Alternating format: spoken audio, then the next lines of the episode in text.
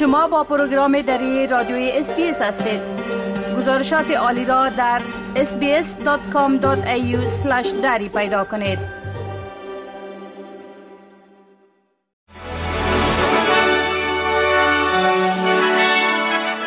با عرض سلام مه صاحب شکیب شما را به شنیدن مهمترین اخبار امروز 26 ماه فبروری سال 2024 دعوت می کنم.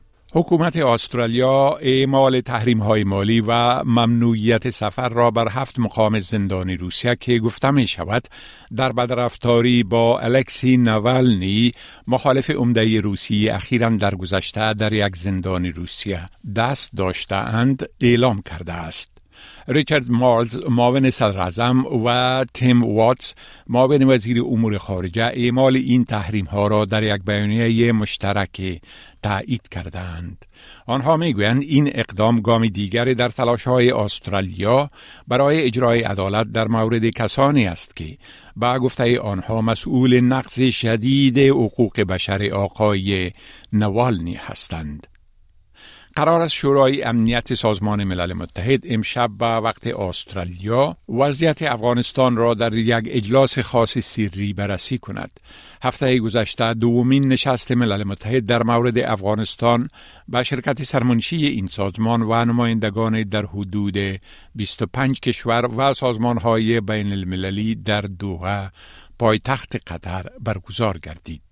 انتظار می رود که انتونیو گوترش سرمنشی سازمان ملل متحد گزارش را در مورد این نشست به شورای امنیت ارائه کرده و در مورد مسئله تعیین نماینده خاص ملل متحد برای افغانستان در مطابقت با قطعنامه 2721 تصویب شده در 29 ماه دسامبر سال گذشته مذاکره شود. مقامات طالبان می‌گویند که امیر خان متقی وزیر خارجه این گروه در رأس یک هیئت اقتصادی به ترکمنستان سفر کرده است. یک سخنگوی وزارت خارجه طالبان در پیام نوشته است که آقای متقی به دعوت رشید مرادوف وزیر امور خارجه ترکمنستان به منظور گفتگو در مورد مسائل دو جانبه به آن کشور سفر کرده است. او افزوده است که در ترکیب این هیئت مسئولین وزارت معادن و نفت، اداره راه آهن و شرکت ملی بریشنا شامل هستند.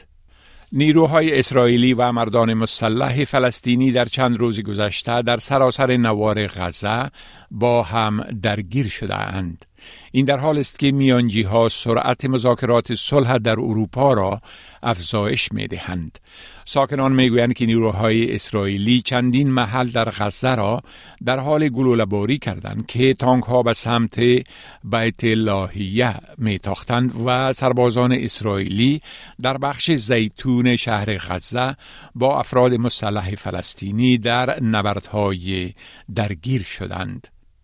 مذاکره کنندگان در پاریس در تلاش هستند تا بر سر آتش بس احتمالی برای آزادی گروگان های اسرائیلی در قید حماس به توافق برسند و آرامش را در ماه رمضان به آن ناحیه شدیدن آسیب دیده فراهم آورند. یک گزارش جدید می‌گوید هزاران طفل استرالیایی به خاطر تجاربشان در ارتباط به حوادث سیلاب ها و آتش سوزی مجبور خواهند شد مکتب را قبل از اکمال آن ترک کنند و ممکن است صدمه های دراز مدت هم ببینند. تحقیقات یونوسف استرالیا و نهاد Deloitte Access Economics نشان داده است که بیش از یک چهار میلیون استرالیایی خردسال در یک سال در معرض یک فاجعه یا حادثه شدید اقلیمی قرار می گیرند. از این تحقیقات نتیجه گیری شده که مردم مواجه شده با آفات طبیعی هر یکشان بعدا در زندگی خود در حدود 100 هزار دلار درآمد کمتر خواهند داشت. احتمال به خانمان شدنشان بیشتر خواهد بود و احتمال زیاد دارد که با اختلالات روانی و استراب مواجه شده و مواد مخدر را استعمال کنند.